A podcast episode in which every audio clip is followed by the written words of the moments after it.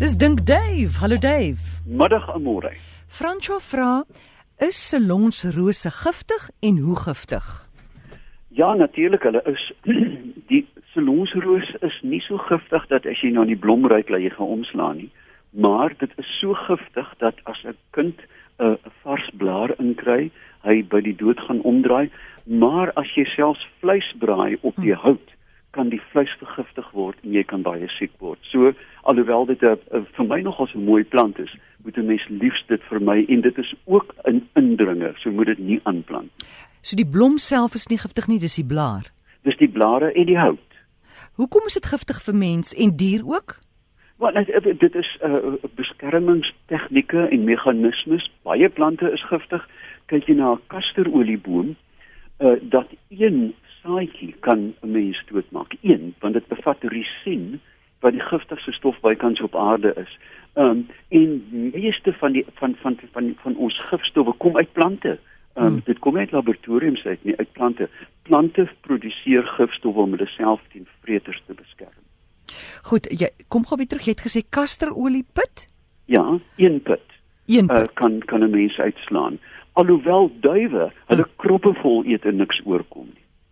Ja, nee ek ek vra maar net want dis nis net nie so groot bestanddeel is kasterolie.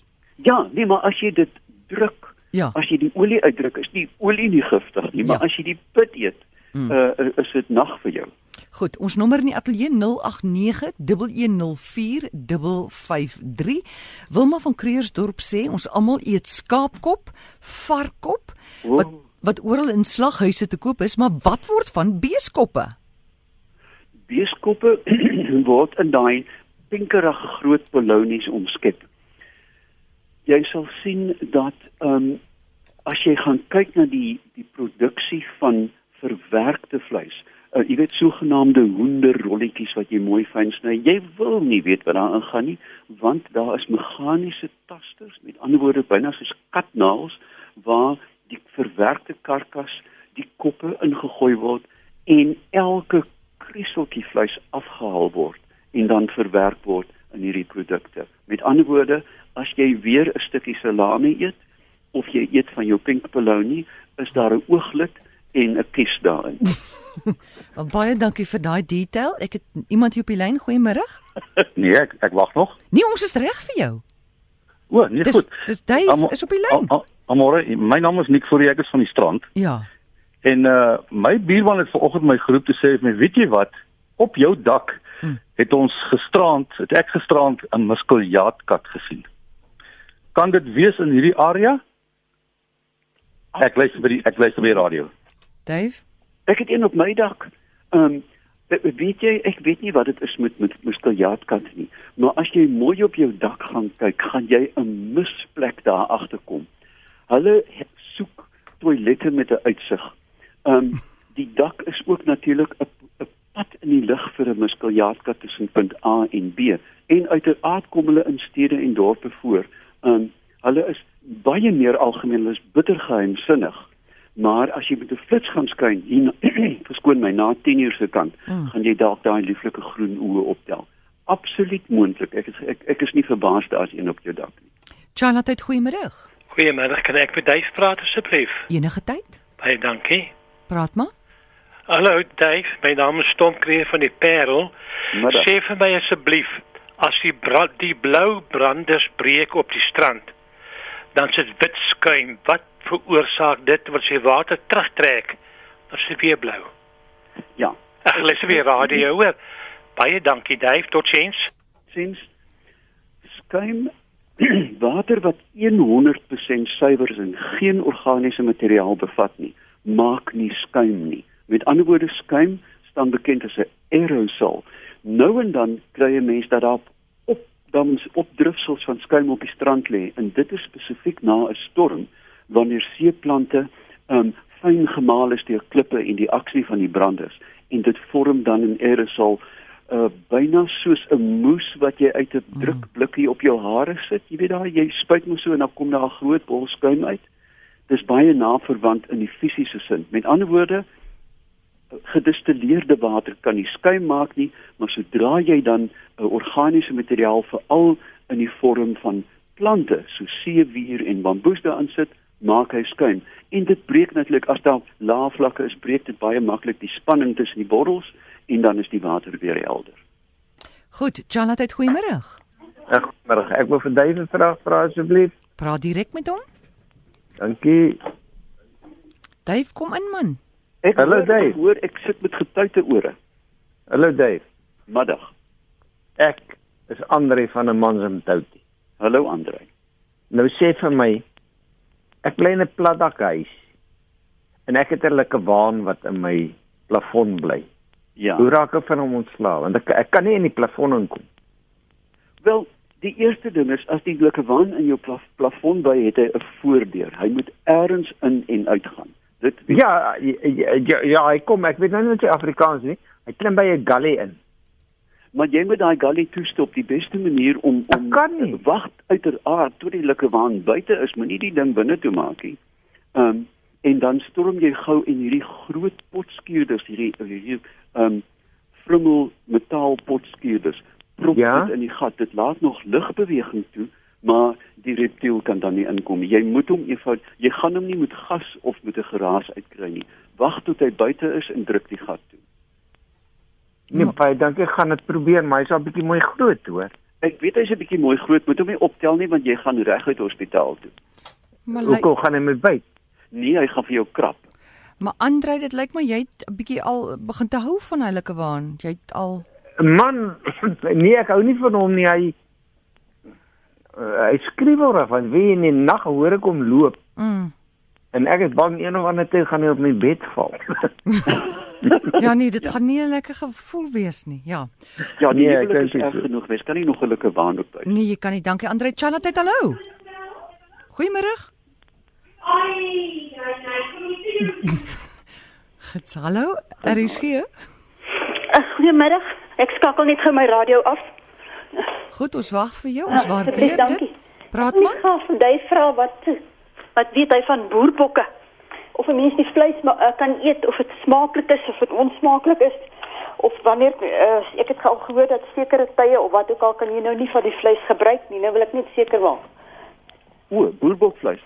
Uh, dit geld byna vir enige hoefdier. Ek gaan net gou by die radio luister. Ja, hoefdier. Goed.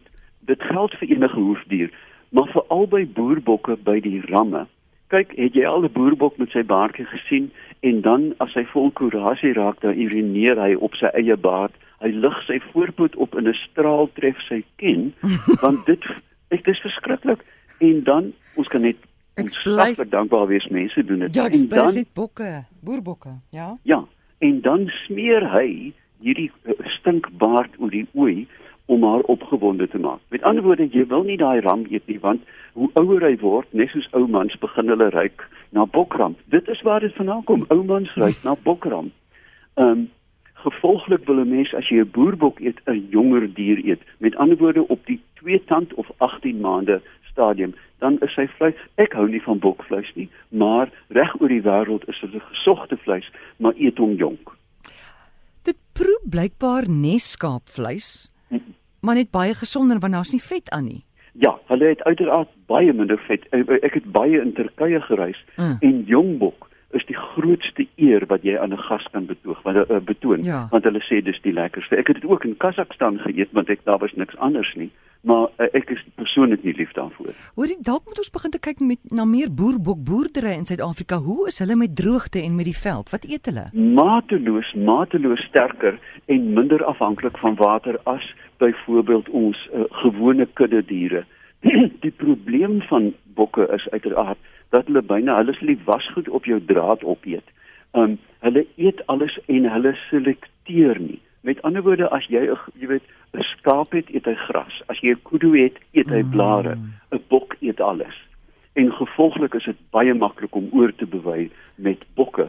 Ek dink in terme amore van van die droogte wat ons tans beleef en ook die watervolumes um, ingesluit in die produksie van ons standaard vleis.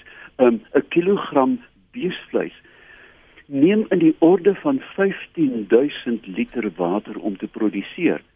Ons moet holisties kyk, dis nie net vleis nie, botter 5000 um, liter per kilogram, um, kaas 3000 liter per kilogram, rys 2400 liter.